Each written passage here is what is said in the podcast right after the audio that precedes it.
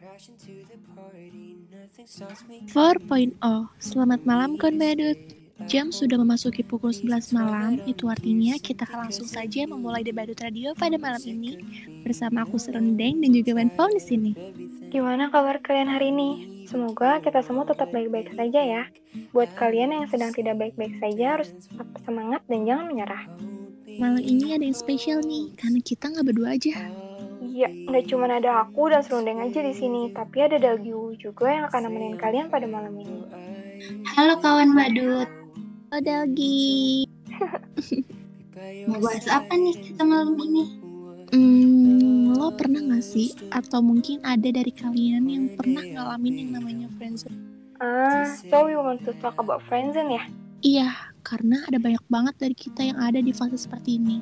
Crossing with my friend. Padahal ya, menurut gue, kita seharusnya nggak ngerasain itu. Ih, tapi bukannya setiap orang itu berhak untuk suka sama siapa aja. Iya, tapi ini tuh fasenya nggak enak banget.